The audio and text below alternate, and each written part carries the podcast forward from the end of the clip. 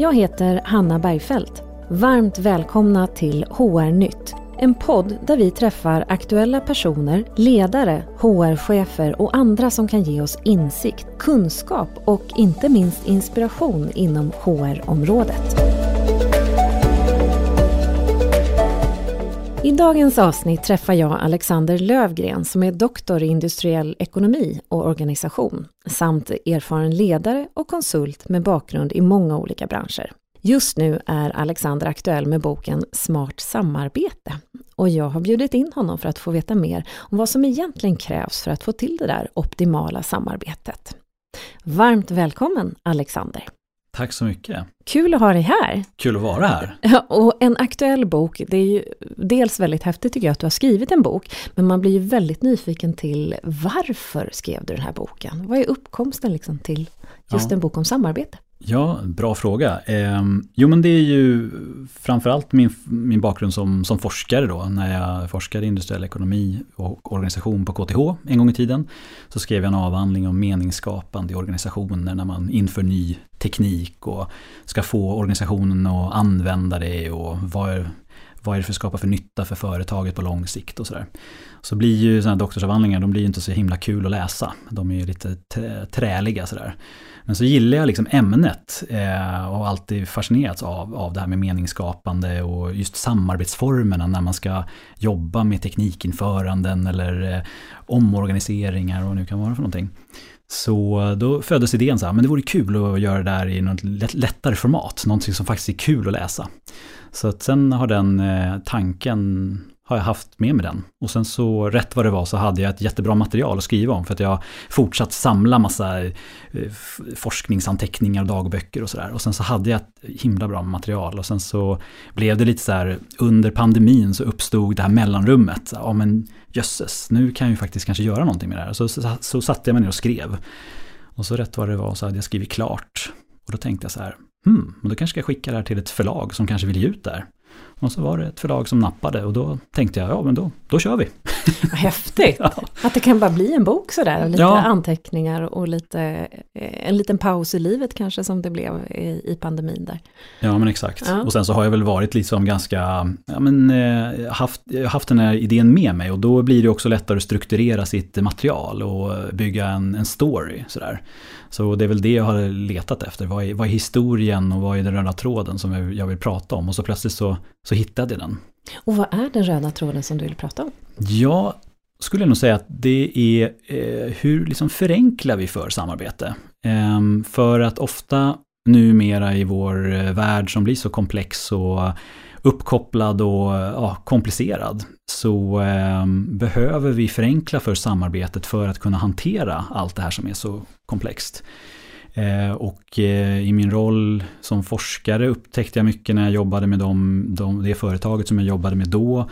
Att eh, man krånglar till det så himla mycket. Ehm, och man satte käppar i hjulet för sig själv kring det här med hur vi ska få saker gjort tillsammans. Och sen så när jag jobbade i linjeroller efter det, både som chef och som mera ja, transformationsroller och projektledare och sådär så tycker jag också så här att jag själv när jag har jobbat krånglar till det för mycket med för mycket struktur och processer och sådär och inser så att det är inte det som gör att vi får saker och ting gjorda utan vi måste förenkla och skapa en gemensam idé om vad vi vill göra och eh, varför gör vi det här och hur kommer vi till, till vår rätt och sådär. Eh, och sen så som konsult så blir det ju ännu Eh, eh, lättare att se det här när man går in och hjälper andra företag att, och eh, myndigheter och organisationer när de ska genomföra sina förändringar och transformationer och omorganiseringar och systemimplementationer och sådär som, man, som jag då i min roll som konsult ofta varit inne och hjälpt dem att leda det här. Och då är det mycket enklare som konsult att se, komma med det här utifrån och in perspektivet och se så här, men jösses, det här är en jättesvår uppgift ni har och ni är så beroende av, av varandra och er omvärld på ett sätt som är som är, kan nästan kännas oöverstigligt. Och då behöver ni ännu mer fokusera på den här förenklingsfrågan. Hur förenklar vi då för det här samarbetet för att vi ska kunna klara av den här svåra uppgiften? Så bra. Jag, jag råkar ju också vara konsult här nu och jag, jag förstår precis eh, vad du menar tror jag. Men ändå eh, är jag lite nyfiken på det här som du pratar om att man krånglar till det så mycket och bolag som du har sett har krånglat till det och även när du i den verksamhet som du var i, i universitetsvärlden eh, beskrev du ett krångel. Vad är det för någonting man gör när man gör det för komplicerat? Ja, men det jag framförallt har sett, eh, och det har jag själv medverkat till ibland när jag, när jag kliver fel. Sådär. Eh, det är att vi är så skolade och eh, ska man säga, eh, vi har lärt oss att vi ska strukturera saker och ting för att det ska bli bra. Ordning, ordning och reda. Eh, och problemet då när man tar den här, eh, när man ska strukturera ett samarbete och bygger för mycket strukturer kring det. Då tar man sig an samarbete på samma sätt som vi bygger organisationer. Att det blir ännu en plan och ännu en policy och ännu en process och vad det nu kan vara för någonting eh, som man lägger ovanpå allting. Och det man har gjort då, det är att om man har en redan komplicerad eller komplex uppgift, om man lägger på det extra lagret för, för samarbete, då har man egentligen skapat ännu mera komplexitet. Eh, och eh, vi, vi, måste liksom hitta sätt att eh, systematisera och jobba strukturerat med samarbete, men utan att vi bygger strukturer. Utan att vi fokuserar mer på vår skicklighet i att samarbeta som individer när vi är i olika grupper, i olika samarbetssituationer och sen hur vi gör det skalbart. Ehm, I, or i organisationer, jag skulle säga även, även upp till samhällsnivå. För det är samma utmaning när vi ska ta oss an svåra samhällsutmaningar. Och, så. Ehm, och då gäller det att ehm, förstå då, vad är det här avskalade perspektivet? Ja, vad är det? Ja, precis. Vad är det? Jo, och då är det ju sådär att vi människor är ju, eh, vi är ju smarta ofta och människan är smart. Mm. Ja, mer, mer eller mindre i alla fall. Eh, I alla fall i vissa situationer. Eh, men grejen är att vår kognitiva förmåga är ju inte alltid superhög att hålla saker och ting i huvudet. Och för att ett samarbete ska funka på individnivå så måste vi ju hjälpa oss själva att eh, komma ihåg det som är viktigt. Och då måste vi ju skala av det här som vi tycker då att här, istället för att eh, kötta på med en världens bästa arbetssätt och process för hur vi ska göra saker och ting. Och om alla bara följer det här så kommer det bli, bli eh, bra. Så måste man våga då skala av det till enkla minnesregler och samarbetsvanor och sådär som vi orkar hålla i huvudet. För det är bara de sakerna som vi orkar hålla i huvudet som vi över tid faktiskt omsätter till handling. Och det är på så sätt som vi tränar oss själva på eh, att samarbeta. Och det är så vi också kan influera vår omvärld och varandra eh, att eh, samarbeta bättre. Mm. Och det är baserat på de avskalade principerna kring just det här med samarbetsvanor och, och minnesregler och så. Det är så som vi också bygger grunden för att kunna skala upp samarbete. Så det, nyckeln till skalbarhet i samarbete är att skala av. Skala av för att kunna skala upp. Ja, du säger så mycket kloka saker nu, så nu sitter jag med min, min begränsade kognitiva förmåga här Alexander och, och försöker minnas allting. Men vet du vad, om vi börjar med att backa bandet lite mm. och så här, definitionen av samarbete, eller vad, vad, tar du utgångspunkt ifrån? Ja, det är en väldigt bra fråga. Ehm, min, mitt perspektiv på det hela, och det är ju inte bara mitt, utan det är väl kanske ganska allmängiltigt, att samarbete uppstår ju bara om vi behöver samarbeta. Eh, om vi inte behöver samarbeta så, så gör vi det inte. Eh, och vi behöver samarbeta om vi har någon form av gemensam uppgift, något gemensamt mål, någonting som vi vill uppnå. Eh, och någonting som vi inte klarar av att göra själva, utan vi är beroende av andra. Och då uppstår viljan till att samarbeta. Eh, om vi vill samma sak och vi vill uppnå samma sak, då väljer vi att samarbeta. Så det är ju egentligen den enkla, det enkla svaret. Ja men det är bra, då har man någon form av gemensam riktning eller uppgift att lösa. Förhoppningsvis också en vilja, det tänker jag att vi kan djupdyka lite mer i sen. Mm. För jag, jag, tror att det ibland har funnits tillfällen då i alla fall jag har velat samarbeta och, och kanske det inte riktigt har varit samma önskan från en annan. Eh, till exempel. Och det blir problem i sig. Mm. Men om vi går tillbaka till det här du pratade om, att, att skala av för att kunna skala upp. Och du pratar om minnesregler snarare än eh, strukturer. Om, om du skulle liksom översätta det till vad kan det innebära i verkligheten? Strukturer, då, då ser jag framför mig att det kanske handlar om vi möts varje måndag och gör så här, det är så vi, vi har vårt samarbete. Är det det man då ska skala bort menar du, eller vad är det vi ska ta bort? Men jag tror, alltså när det gäller sådana saker som så här, rutiner och eh, att, att det möts vid vissa tidpunkter och får en regelbundenhet i synk och sådär. Det tycker jag är bra saker. För det är någonting som, som är förmodligen både meningsskapande och värde, värdeskapande. Däremot när man går in för mycket att eh, försöka skapa en någon form av metod Eh, för samarbete som är sådär, så här ska vi jobba och vi måste följa det här och det blir nästan som en, som en manual. Det är då som det blir, eh, det är då det blir någonting som liksom tynger och det, det är någonting som faktiskt kan minska motivationen att, att vilja bidra. Eh, så att det är snarare, skulle jag säga, lite grann det, det som du pratade om, skapa rutiner för när vi möts och när vi möts, vad är det vi gör då? Ja, vi möts för att kanske synka någonting som vi har gjort eller som vi behöver planera för och det kanske är någonting som vi behöver samskapa. Vi behöver ses för att i en workshop eller ett arbetsmöte ta fram någonting sådär.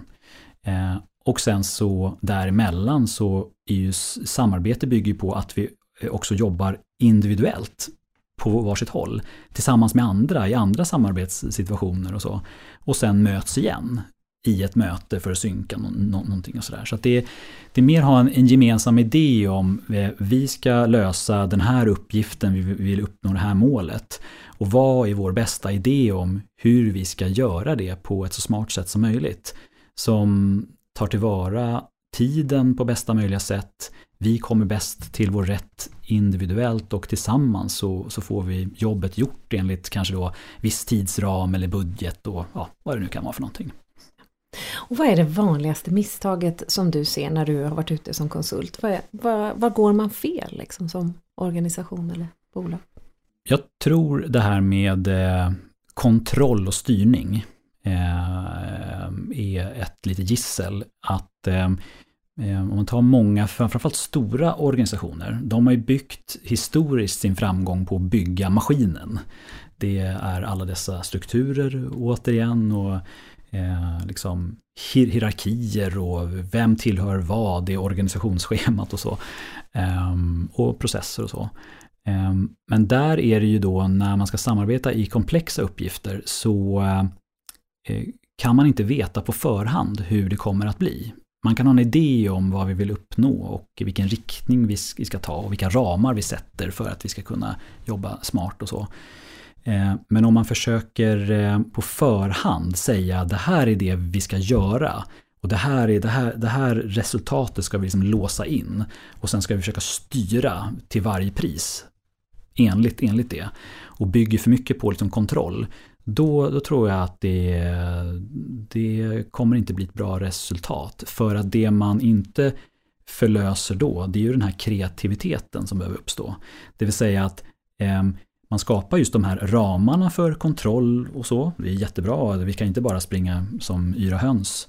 Eh, men innanför de ramarna så behöver man maximera kreativiteten. Så man får den här kontrollerade kreativiteten. Och det är där som man behöver jobba med snarare ett ledarskap och en styrning och även hur vi andra jackar in i det här. Som handlar mer om koordinering. Hur koordinerar vi oss själva? Hur koordinerar vi varandra och hur koordinerar vi helheten för uppgiften mot det målet som vi vill uppnå. Och hur gör man det då? Hur koordinerar man en, en sån? Säg att man är på ett företag och man, man behöver, nu kommer jag inte på något bra exempel, men man behöver utveckla sig åt ett visst håll. Så vi ser att vi har behov av att ta oss dit. Yes. Eh, vi tillsätter de här mm, smarta personerna i, i en grupp och så eh, snälla lös det här, låt oss komma dit. Hur, hur sätter man igång processen och hur koordinerar man och ser till att det faktiskt blir en utveckling åt rätt riktning åtminstone. Det finns nog väldigt många olika sätt att göra på. Men så som jag beskriver i boken så, så ser jag som två grundläggande mm, som mekanismer eller så här, som, som, man, som man kan tänka på. Och det ena är hur man faktiskt organiserar sig kring uppgiften. Eh, och då kan man tänka lite bland annat på det här med eh, agilt värdeskapande till exempel. Där är ju en av de agila principerna att organisera sig kring värde. Det är en väldigt bra princip att, att jobba efter. För då kan man jobba mer dynamiskt kring hur eh, jobbar vi snarare i framväxande och föränderliga konstellationer kring uppgiften. Eh, och då låser man inte fast sig kring att så här, den här uppgiften tillhör den här delen av organisationen och så, utan vi jobbar med mer en, en organisering snarare än organisation. Eh, och eh, då brukar jag tänka så här att det viktigaste för uppgiften det är att identifiera vilka är vi beroende av för att lyckas. Så det här utifrån och in perspektivet på vad vi ska göra är, är tycker jag, en, en bra start. För då kan man baserat på det se sådär eh, uppgiften som vi ska uppnå och omvärlden eh, och vad vi ska liksom använda omvärlden till. Sådär, till, vil, till, vilka, till, till vilka syften. På vilket sätt behöver den här grupperingen bidra till uppgiften? På vilket sätt behöver den här personen bidra till den här uppgiften? Hur behöver den här konstellationen som vi kanske inte riktigt lyckas fånga nu, men som vi tror att vi har behov av framåt. Hur behöver den förmodligen bidra här så småningom? Och vilka ska kanske eventuellt behöva kunna ta emot våra resultat? Så där? Behöver vi kanske fundera mer, mer på det och hur vi kanske har någon idé om hur det ska gå till innan vi sätter igång och så. Så det är det här äh, just utifrån och in perspektivet med då uppgiften i mitten och omvärlden runt omkring det. Då. Eh, och sen det andra perspektivet är eh, inifrån och ut perspektivet som är då vi i den här konstellationen som har den här uppgiften, vad är det vi ska uppnå och vad är vår bästa idé om hur vi ska lyckas med det. Och, och prata om då hur vi tillsammans navigerar i, i uppgiften. Och det, det är sådana fundamentala saker som hur vi matchar förväntningarna på det vi ska göra med de förutsättningar som vi behöver för att göra den. Och då är vi tillbaka på de här fundamentala frågorna som vad är det vi vill göra och vad är det vi behöver för att kunna göra det. Och har vi matchningen däremellan då har vi någon form av grund för hur vi kan samarbeta och prata om vårt samarbete för att lyckas. Just det. Så bra, så om, om jag tolkar det rätt så är det ju en lite grann alltså utifrån och in. Det är ju alltifrån att identifiera stakeholders till kanske se vad har jag för mandat eller vad, vad behöver vi som, som grupp för att kanske ta oss dit. Och sen så inifrån att titta på alltifrån har vi samma målsättning med samarbetet, vad är våra olika roller, styrkor och, och önskningar i, i det. Precis så. Ja. Och jag använder ett begrepp i boken genomgående som jag kallar för självnavigering och självnavigerande beteende. Och det är precis vad det här handlar om, att kunna vara i en uppgift och navigera i den och vara anpassningsbar kring både hur vi organiserar oss kring den och hur vi sen navigerar i själva genomförandet. Just det. Och, och, du skriver ju också i boken, det här har jag, eh, det kanske inte var så stor del av boken, men jag har ändå fastnat för det här med att det finns olika personlighetsdrag som, som eh, lyckas bättre i den här typen av samarbetsform kan man säga. Hur ska man resonera kring det och vad är att lyckas? Om vi, om vi börjar med, vad är att lyckas? Är det då att vi kommer till målet eller är det att det är friktionsfritt? Vad är, det, vad är själva definitionen av ett lyckat samarbete? Ja, det där är ju intressant, för jag skulle nog säga att eh, ett lyckat samarbete är ju ett samarbete som faktiskt lyckas med sin uppgift. Alltså vi uppnår det som vi ska. Eh, och eh, då om, vi tar, om vi drar tillbaka till vad ett smart samarbete är, så innebär ju inte att ett smart samarbete behöver vara att alla går omkring och gör high five och skrattar hela, hela tiden. Det kan ju vara ganska mycket friktion och till och med konflikter. Det smarta i det hela är ju att vi eh, vågar lite grann vara oss själva, komma med våra perspektiv kring saker och ting. Och det finns perspektiv som kanske ibland står emot varandra, som har friktion och det är viktigt att det kommer upp för då kan vi också hantera det och ställa dem emot varandra och se så här, okej, okay, vilka av de här perspektiven är mer viktigt än, än det här, det, det, andra? Eller är det så att de här två perspektiven eller flera perspektiv behöver samexistera och vi behöver hantera dem på något, något smart sätt? Och vad är det vi gör då? Ehm, så att jag skulle säga att ehm, jag pratar om det i boken också, det här bäst idé vinner. Ehm, och det är lite så man behöver tänka utifrån det smarta samarbetet, att det är någonting som sker över tid. Och i slutändan så är ju det, eh, det, smarta samarbetet är ju ett samarbete som faktiskt fungerar. och som i slutändan lyckas uppnå det som vi har tänkt och också det som förväntas av oss. För oftast kommer ju förväntningar utifrån. Vi förväntas göra någonting. Svarar vi upp mot de förväntningarna och, eh, och att vi själva på de förväntningar vi har på oss själva och det som vi ska göra, att det också uppfylls. Just det. Och tillbaka till de här personlighetsdragen då, som mm. jag tyckte var lite spännande. Berätta, vad, hur ska man vara som person för att det ska bli ett optimalt samarbete? Eller ett smart samarbete, det är ju egentligen det du ja, pratar om. Alltså jag, och det skriver jag också om i, i, i boken, att vi får inte stirra oss för blinda på det här med personlighetsdrag. Eh, för att hela bokens eh, eh, filosofi och även filosofin kring just det här smarta samarbetet är att vi är ju de vi är och vi kan alltid hitta smarta samarbetsformer och smart samarbete trots att vi kanske inte är jätteduktiga på att samarbeta eller kanske har den här grundläggande talangen för det. Men vi kan alltid träna oss på att samarbeta smart oavsett hur vi är som eh, personer. Men om man ska gå in på det här med personlighetsdrag så är det framförallt eh, två personlighetsdrag som är, som är viktiga. Och det ena är ju det här med tillmötesgående. Att man är duktig på att vara lyhörd och eh, eh, duktig på att eh, lyssna in och eh, eh, ja, men visa omtanke och, och sådär och inte bara tänka på sig, på sig själv och så. Eh, och den andra aspekten har ju mer med uppgiften att göra, att man är samvetsgrann. Det vill säga att man är lite disciplinerad och kan eh, jobba mot mål och man håller det man lovar och, och sådana saker. Så, så, så, de två eh, personlighetsegenskaperna är väl lite mer framträdande och man ska titta på om man har talang för att samarbeta.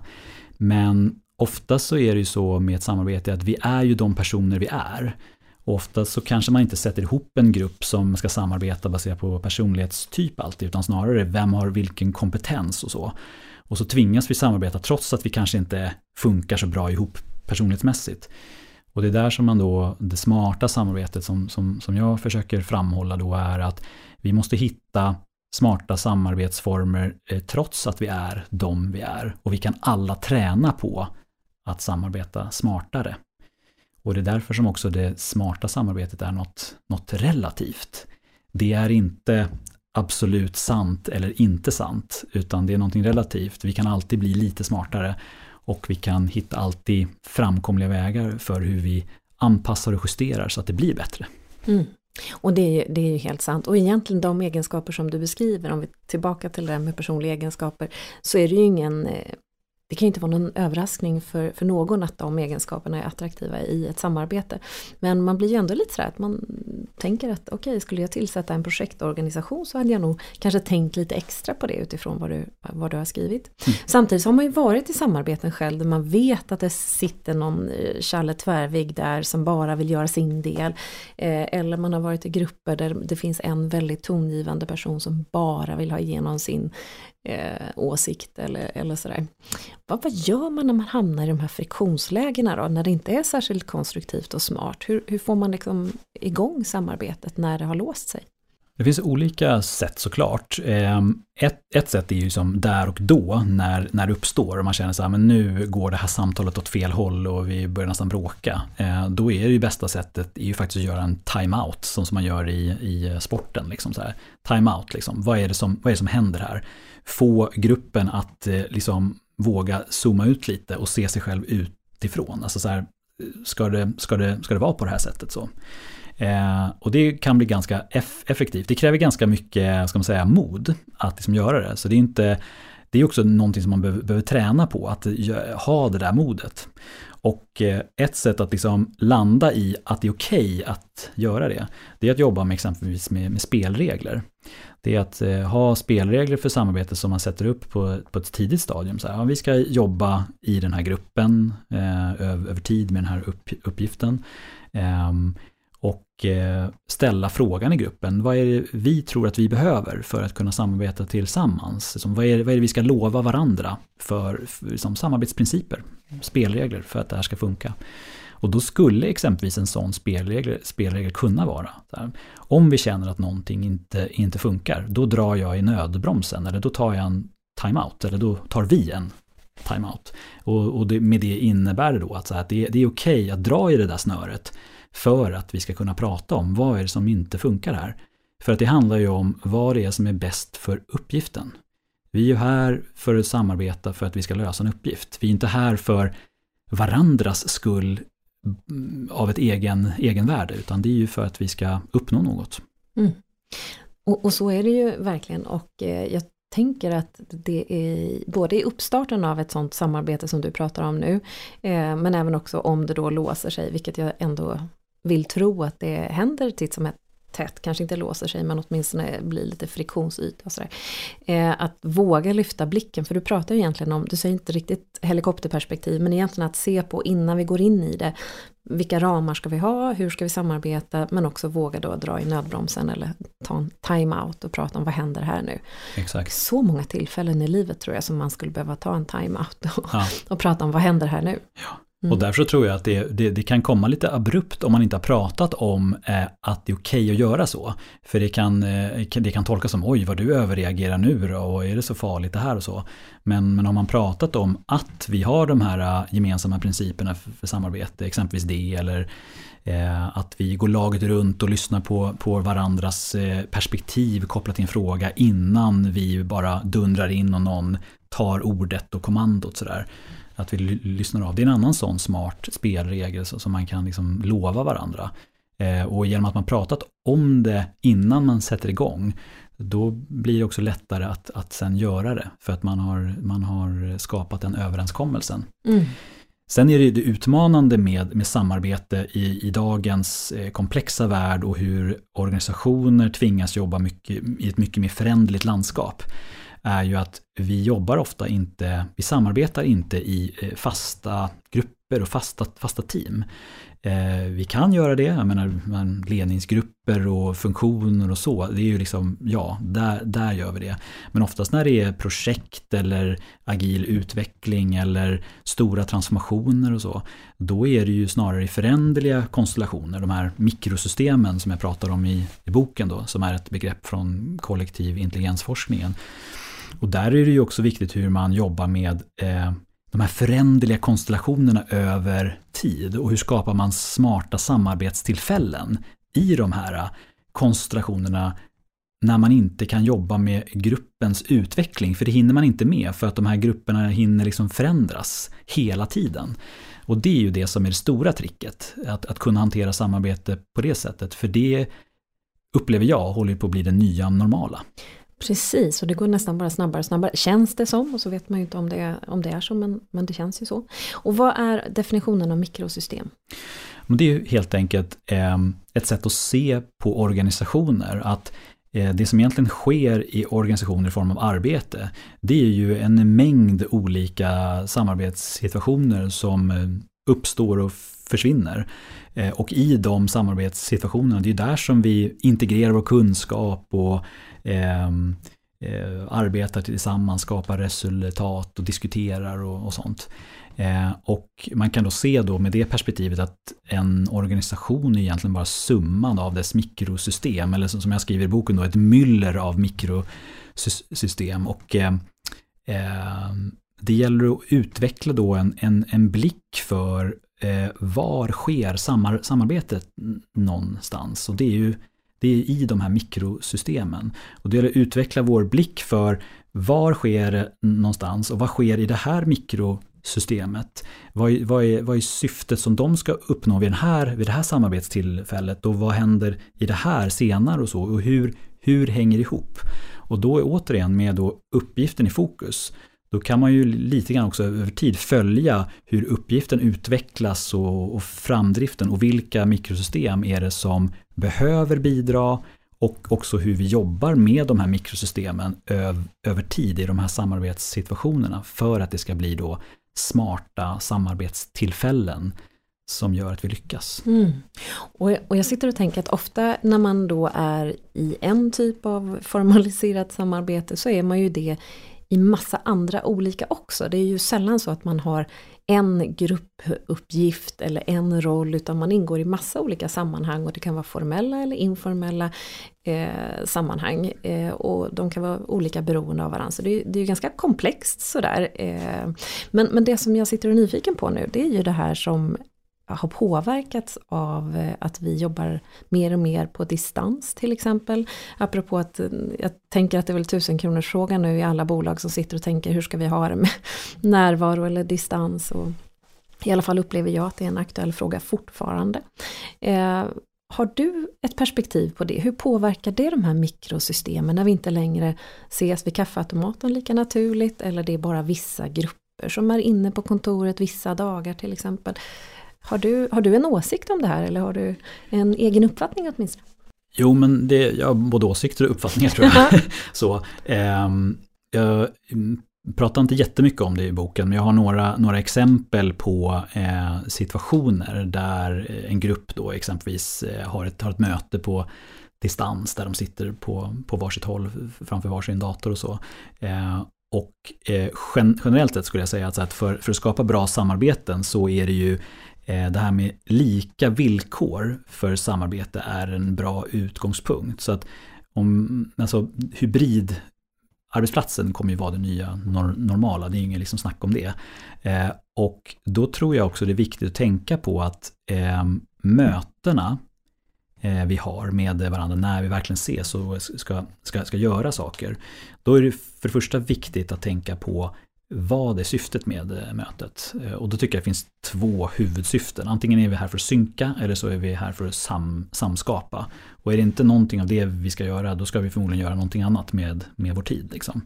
Eh, så det är ju, då tror jag det blir ännu viktigare att om vi sitter på varsitt håll sådär, att vi är överens om så här, varför ses vi? Så där, och att det, det känns tydligt. Eh, och sen tror jag själva det här med villkoren för samarbete då blir ju att det blir ju bättre kvalitet om alla sitter framför varsin dator på varsitt, varsitt håll. För då har man lika förutsättningar för att delta i ett samtal och så.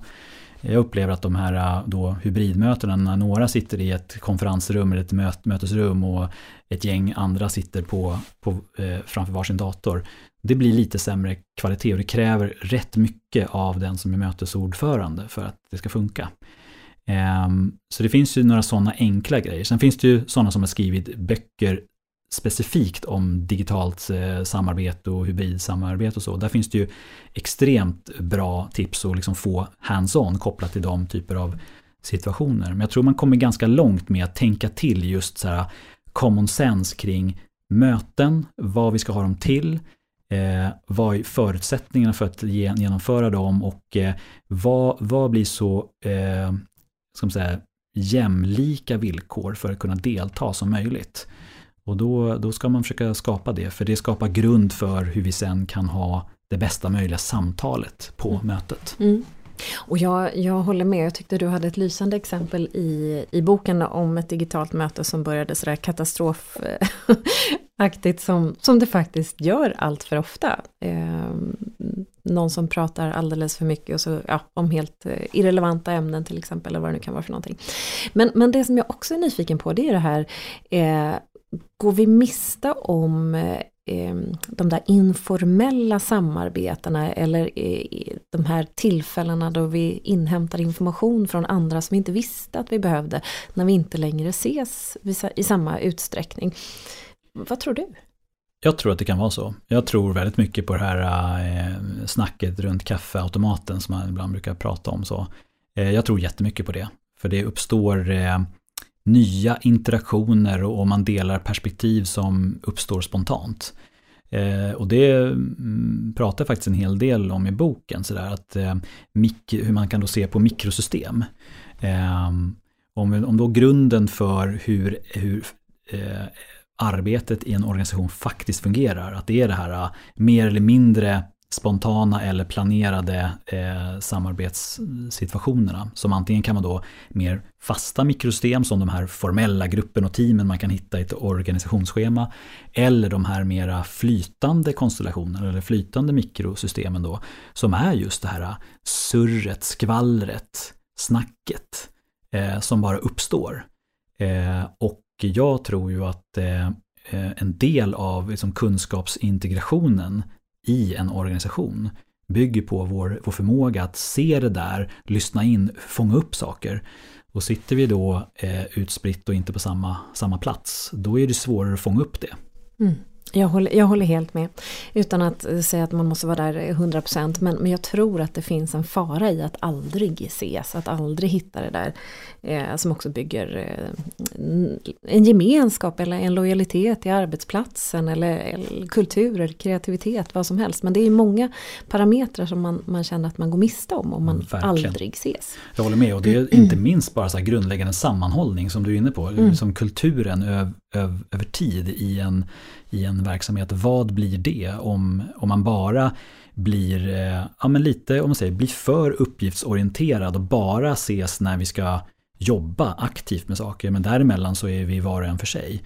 Det bygger ju inte en sammanhållning så. Nej. För det är ju också det här uh, snacket och skvallret och skratten. Liksom. Det är ju mm hur mycket, alltså det är värt hur mycket som helst. Ja men det är faktiskt.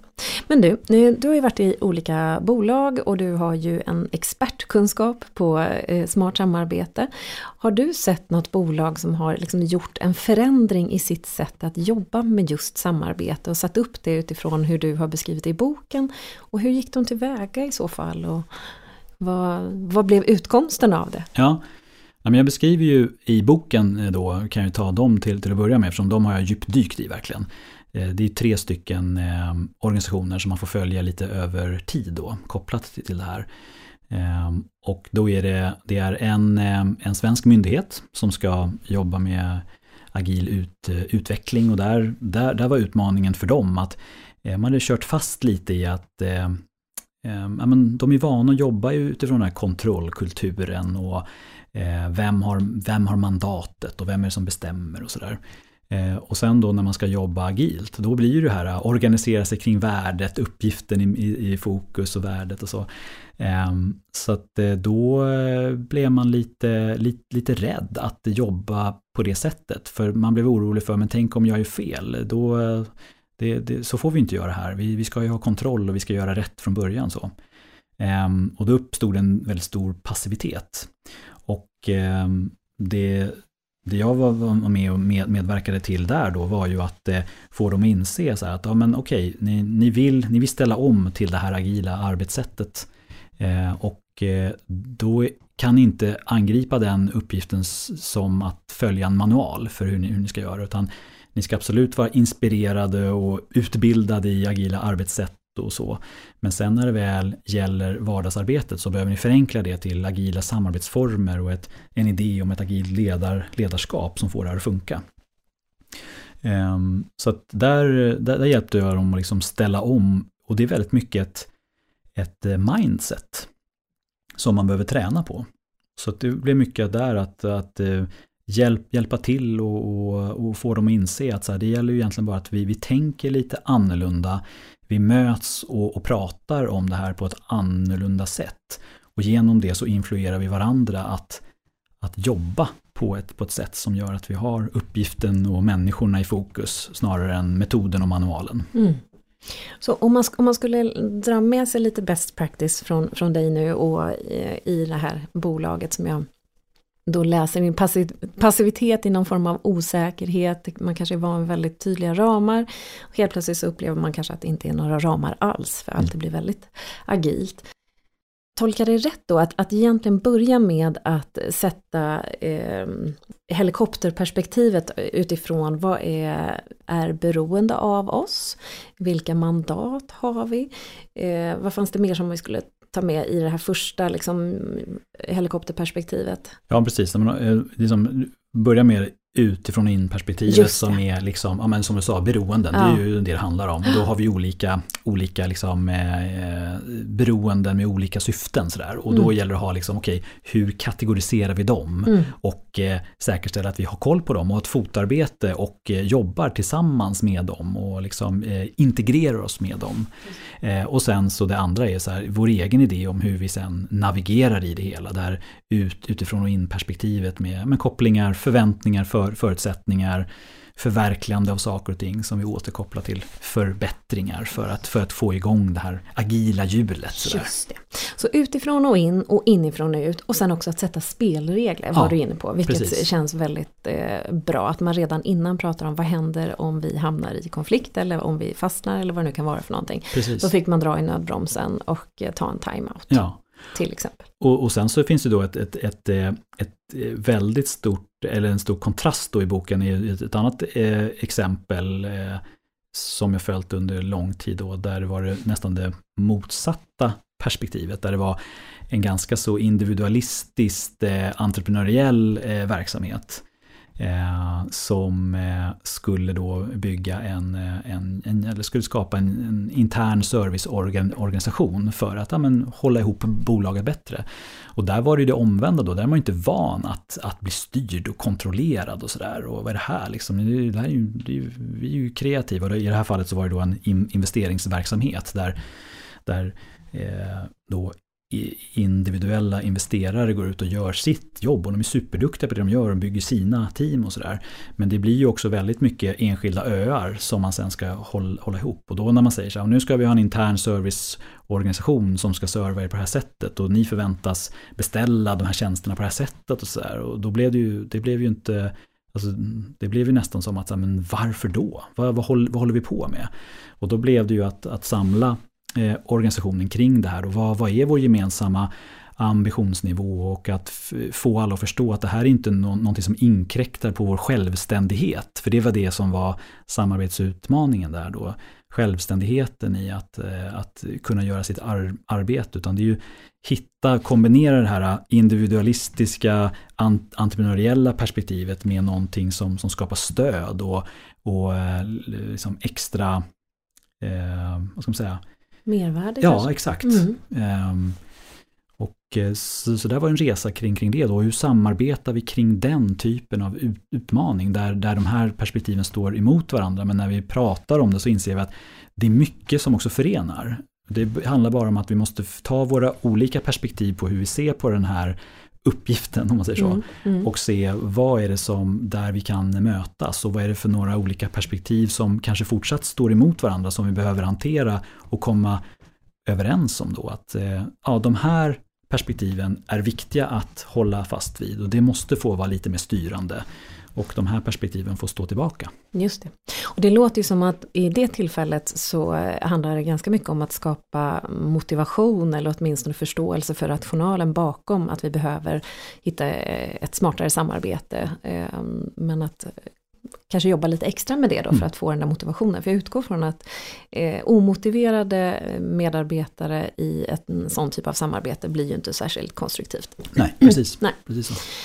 Du var härligt, vi har fått massa bra tips. Jag tar med mig utifrån och in, inifrån och ut, men också spelregler. Det är liksom ganska konkreta tips som också gör att man, man börjar utifrån, eh, utifrån ett helikopterperspektiv och ser på vad är det vi håller på med, Mm. sätter lite spelregler eh, och sen inte ha det allt för uppstyrt. Så här gör vi i vår organisation. Men vi har möten och, och samarbetspunkter eller informationsträffar eller ett syfte med mötena som vi har. Så att det blir konstruktivt och smart såklart. Men du, sist men inte minst nu Alexander, eh, jag brukar alltid fråga om misstag man har gjort. Härligt. eh, och det handlar ju om att jag eh, lite nyfiken på att andra också gör misstag, för det har jag gjort en hel del själv.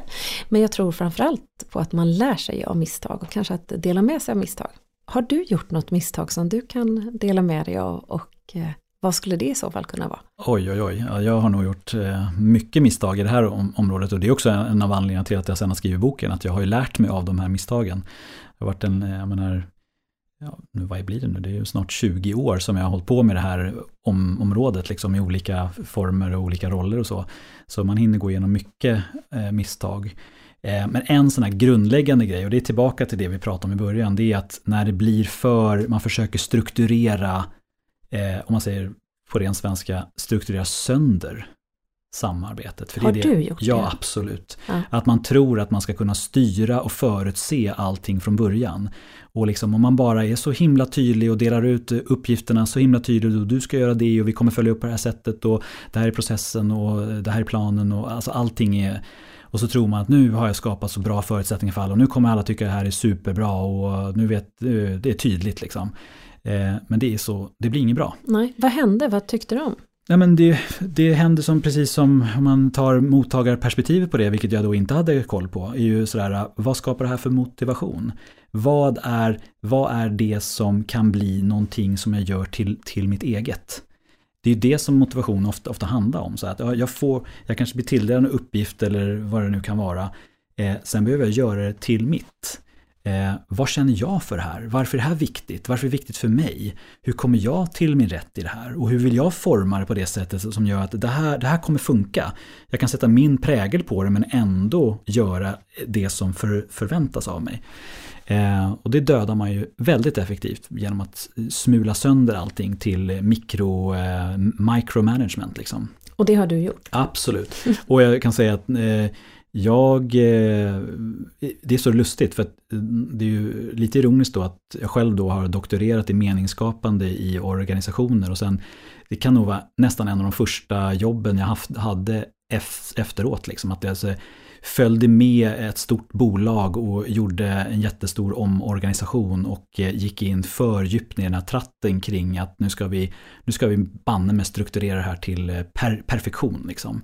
Och eh, det, det man missar då är så här, hur skapar vi den gemensamma arenan för samarbete? Där man bjuder in de man behöver jobba med och prata om vad är vi tror är bäst för det här och vad är det vi vill uppnå och vad förväntas av oss och hur kommer vi till vår rätt och vad är vår idé om hur det här samarbetet ska bli så bra som möjligt. Involvera, skapa motivation som kopplar till motivet för uppgiften och därmed skapar men, alltså det är ett meningsskapande sammanhang och det är, det är det som är kärnan. Mm. Så att eh, det är ju lite roligt då att eh, man kan vara välutbildad i någonting och ändå tappa huvudet. Mm. Vad härligt, vilka fina slutord. och, jag, och, jag, tänker att det, det, är väl helt underbart att då kunna se på, apropå att göra ett retrospekt och se på att, vad, vad lärde jag mig av det? Eh, det blev till och med en bok på ämnet. och nu får du sitta här och prata om det. Ja. Eh, och jag tänker att det är ju fantastiskt. Bara genom att göra det så kanske det är färre som, som eh, utövar micromanagement eh, på den nivån som du gjorde. Även om det säkert fanns en bra tanke mm. som den eh, ingenjör som du är och kunde allt i detalj såklart. Vad bra. Du, tusen tack för att du kom hit och lärde oss mer om eh, samarbete. Tack så mycket, det var jättekul att vara här. Vad bra.